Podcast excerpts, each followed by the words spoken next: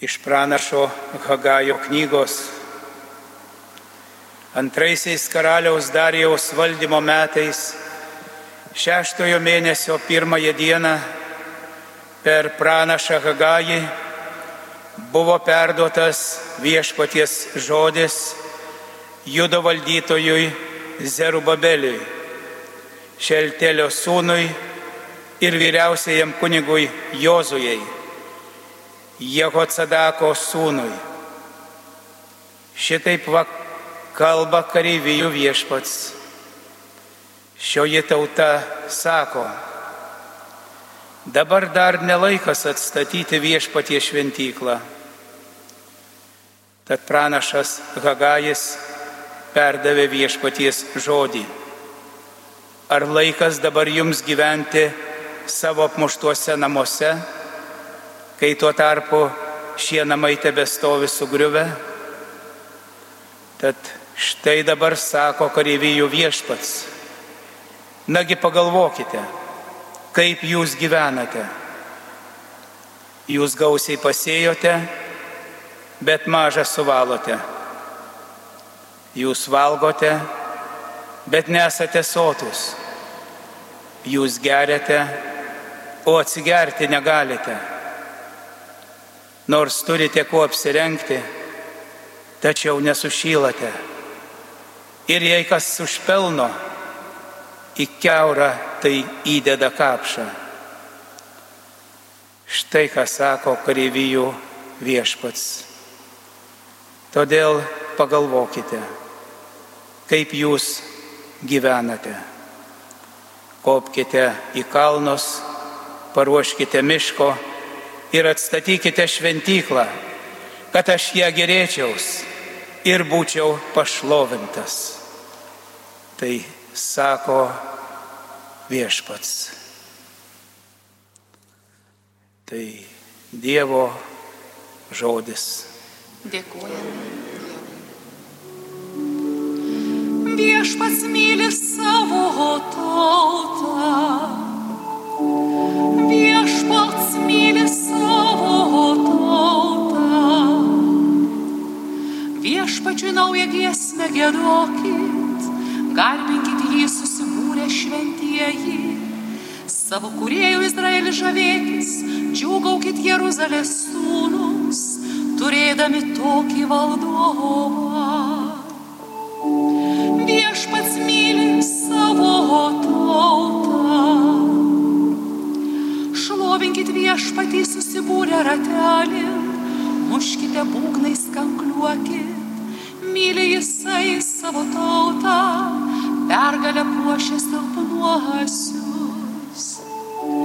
Viešpats myli savo tautą, džiaugsmas garbė jums šventieji, linksmybė jūsų buveiniai, valiuodami garbinkite Dievą tai jums garbė bus Dievo šventieji.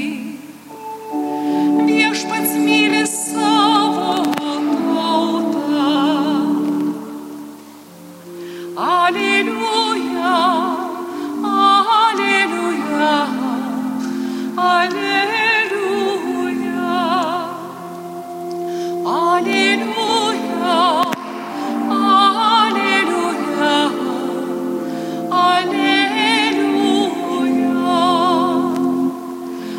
esu kelias tiesa ir gyvenimas, sako viešpats. Niekas nenueina pas tėvą kitaip, kaip tik per mane. Aleliuja, aleliuja, aleliuja.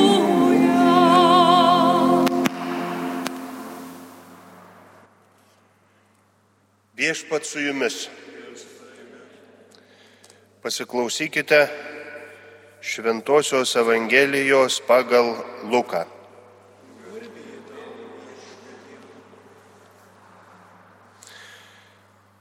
Tetrarchas Erodas išgirdo apie visus tuos įvykius ir nežinojo, ką manyti, nes vieni sakė Jonas prisikėlęs iš numirusių, kiti pasirodęs Elijas, dar kiti prisikėlęs vienas iš senųjų pranašų. Erodas tarė Jonui, aš nukirstinau galvą. O kas yra šitas, apie kurį girdžiu pasakojant tokius dalykus? Ir jis panoro pamatyti Jėzų.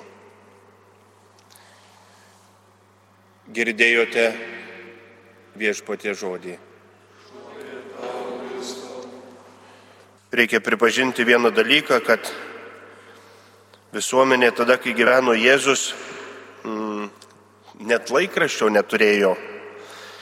Net e, turbūt daugelis žmonių nemokėjo nei skaityti, nei rašyti. Aišku, kad nemokėjo, tik tai rabinai.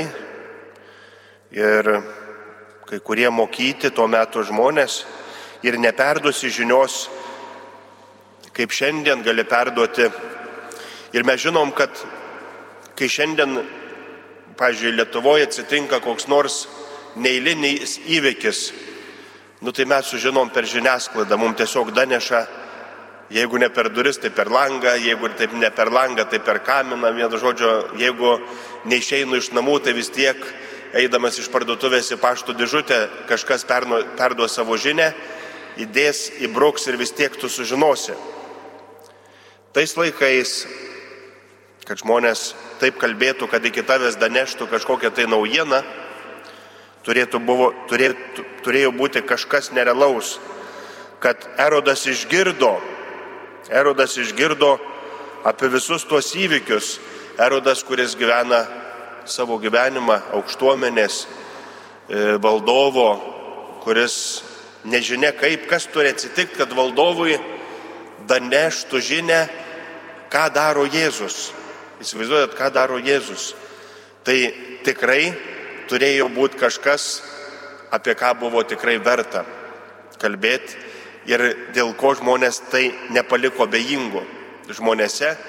Ir apie tai kalbėjo, kada ėjo iki Erodo. Ir Erodas nelabai supranta, galvodamas, kas čia gali atsitikti ir klausė, nežinojo, ką manyti, nes vieni sakė, kad Jonas prisikėlė, kiti gal Elijas ar vienas iš senųjų pranašų. Tai Gerodas panoro pamatyti Jėzų.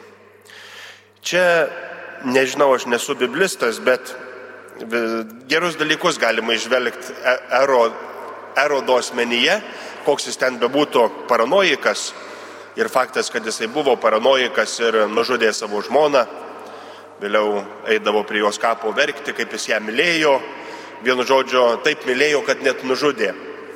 Žinot, nu tai turi būti neįlinis ligonis, kad tai pasielgtų, man atrodo, galbūt nesu tikras, bet ir vieno iš sunų erodas yra nužudęs. Ir įsivaizduokit, kas yra įdomu erodo asmenyje, bent jau tai, ką pabrėžia Evangelija, jam buvo gera klausytis Jono Krikštitojo. Jam buvo gera klausytis Jono Krikštitojo. Kitaip tariant, tas žmogus, kuris atrodytų, nu, visiškas niekšas, visiškas e, paranoikas ir ligonis, bet va širdies gilumoje jisai tiesiog taip ir sako Evangelija, kad klausydavosi ir nuliūdo kai buvo paprašyto Jono Krikštito galvos, jisai nuliūdo. Jam buvo iš vienos pusės gaila, kad jisai negalės klausytis Jono Krikštito, nes vienai per kitaip Jonas Krikštytojas buvo tiesia kalbis. Klausytis tiesos, nors jinai ir neramina, vis tiek reikia tam tikro, nu, nežinau, nuolankumo.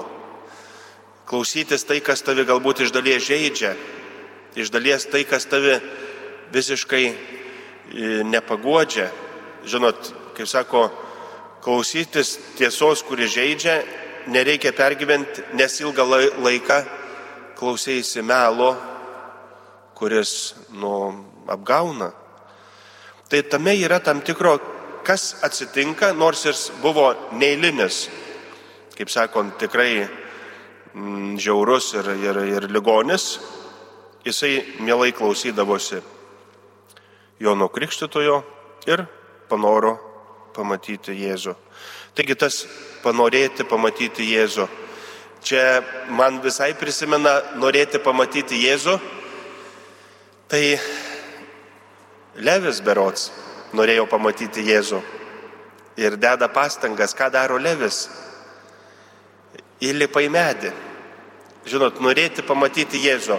Tai turbūt pamatinis dalykas, už kurio šiandieną būtų galima, jeigu taip galima pasakyti, prikipti prie Evangelijos, bet panoro pamatyti Jėzų.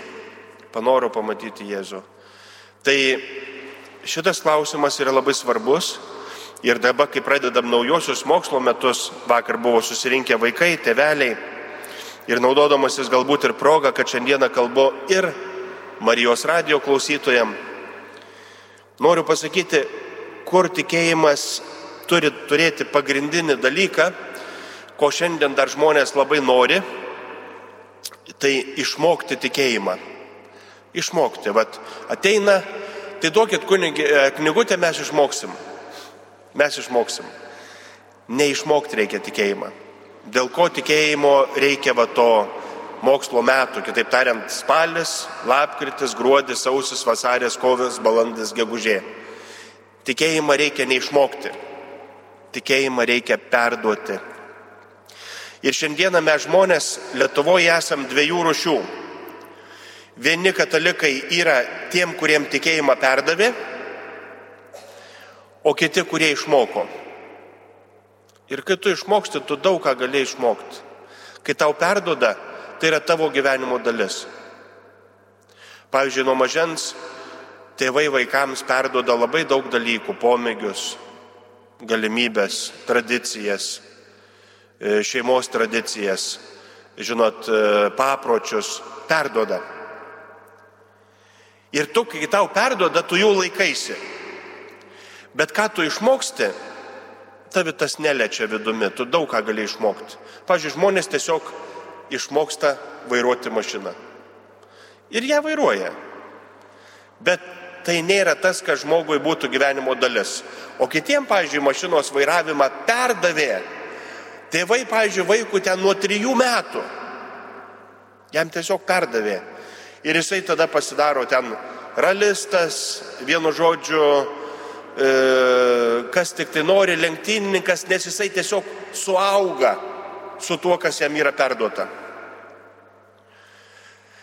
Tai va, mėlyje, ir tikėjimas yra visas pastangas turime dėti šiandieną, kad tikėjimą neišmokintume, o tikėjimą perduotume.